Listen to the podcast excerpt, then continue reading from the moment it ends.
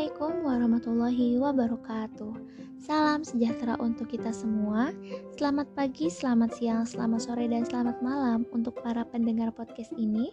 Di mana pun dan kapan pun Anda berada, semoga senantiasa dalam keadaan sehat walafiat. Amin.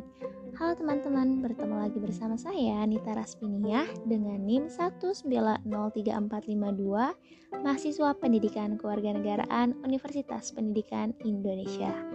Baik teman-teman, pada podcast kali ini kita akan membahas materi pembelajaran bab 6 Pendidikan Pancasila dan Kewarganegaraan untuk jenjang SMP kelas 9 yaitu mengenai bela negara dalam konteks Negara Kesatuan Republik Indonesia dengan KD 1.6, 2.6, 3.6, dan 4.6. Baik teman-teman, untuk mengawali pembicaraan mengenai bela negara, kira-kira teman-teman tahu nggak sih apa itu bela negara?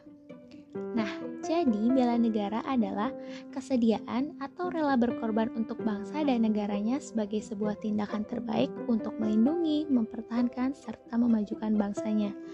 Menurut pasal 27 ayat 3 mengamanatkan bahwa setiap warga negara berhak dan wajib ikut serta dalam upaya pembelaan negara.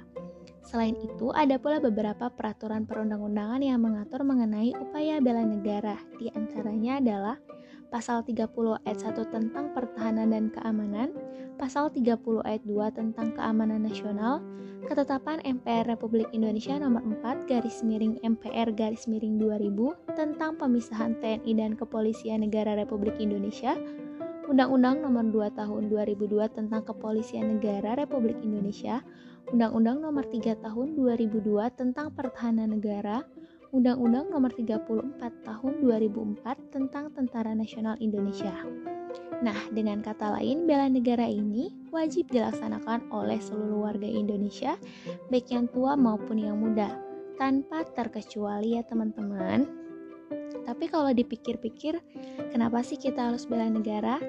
Nah, teman-teman, kita harus ikut berpartisipasi dalam bela negara karena bela negara ini merupakan wujud penghormatan kita terhadap perjuangan para pahlawan terdahulu yang rela berjuang untuk kemerdekaan Indonesia seperti pada pertempuran 10 November, Perang Ambarawa, pertempuran lima hari di Semarang, insiden bendera di Surabaya, dan masih banyak peristiwa lainnya. Oleh karena itu, sudah menjadi kewajiban kita untuk mengisi kemerdekaan Indonesia dan menjaga keutuhan Indonesia dari berbagai ancaman yang mengganggu kedaulatan Indonesia. Nah, kira-kira apa sih ancamannya? Gak mungkin dong ya di masa sekarang kita berperang kayak waktu itu pakai bambu runcing. Nah, adapun beberapa ancaman yang dapat mengganggu kedaulatan Indonesia itu ada yang datang dari dalam negeri dan dari luar negeri. Dari dalam negeri di antaranya ada disintegrasi bangsa, ketimpangan kebijakan atau aturan, makar, konflik antar kelompok, golongan atau ras, kesenjangan ekonomi, dan masih banyak lain. Ada juga ancaman dari luar negeri, di antaranya ada pengaruh ideologi luar, spionase, sabotase, konflik internasional, bahkan agresi militer, dan sebagainya.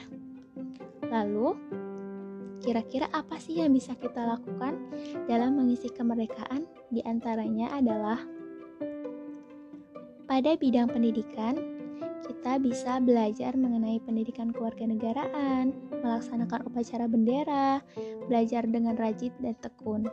Lalu di bidang agama di antaranya, kita dapat percaya dan yakin terhadap Tuhan Yang Maha Esa, serta menjalankan ibadah sesuai dengan ajaran agamanya masing-masing dan saling toleransi antar umat beragama.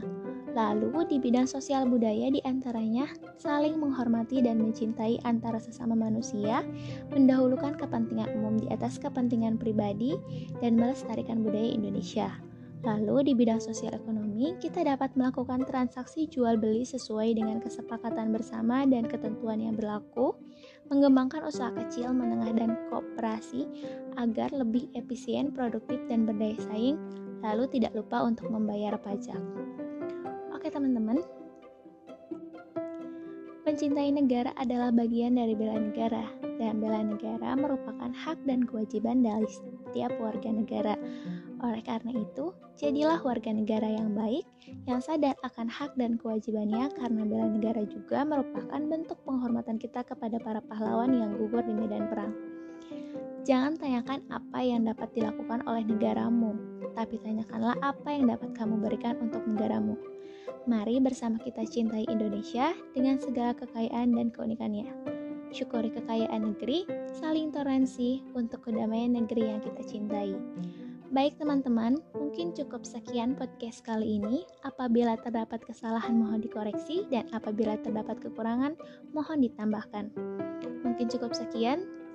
Terima kasih. Wassalamualaikum warahmatullahi wabarakatuh.